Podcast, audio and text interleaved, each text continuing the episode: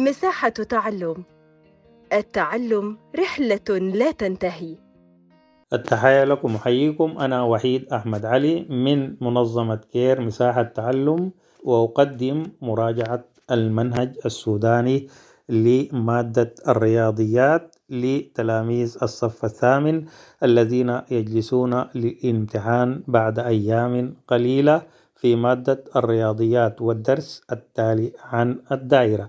وكما ذكرنا الرباعي الدائري أن الزاوية الخارجية تساوي الزاوية الداخلية المقابلة للمجاورة لها. وأيضا في الدائرة هنالك المماس والمماس هو المستقيم الذي يمس الدائرة من في نقطة واحدة من خارجها.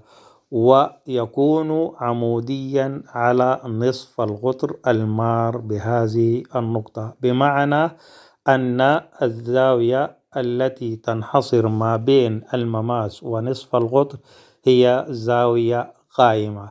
وأيضا يمكن رسم مماسين فقط من أي نقطة خارج الدائرة.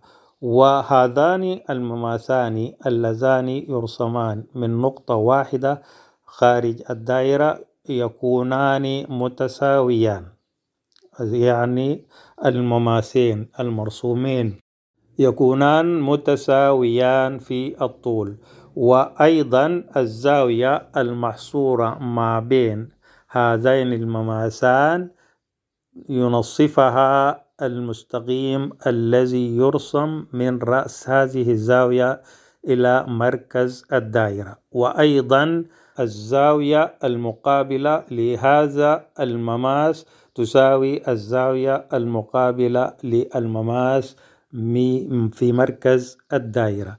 بمعنى أن الزاوية المحصورة ما بين نصف القطر والمستقيم الذي يصل نقطة تقاطع المماسين تساوي هذه الزاوية من المماس الآخر.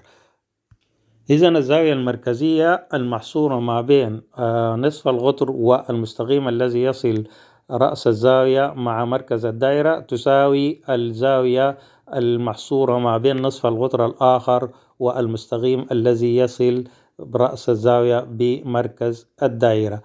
إذا المماسان المرسومان من نقطة واحدة. خارج الدائرة يكونان المستقيم الذي يصل مركز الدائرة بنقطة تقاطعهما ينصف هذه الزاوية.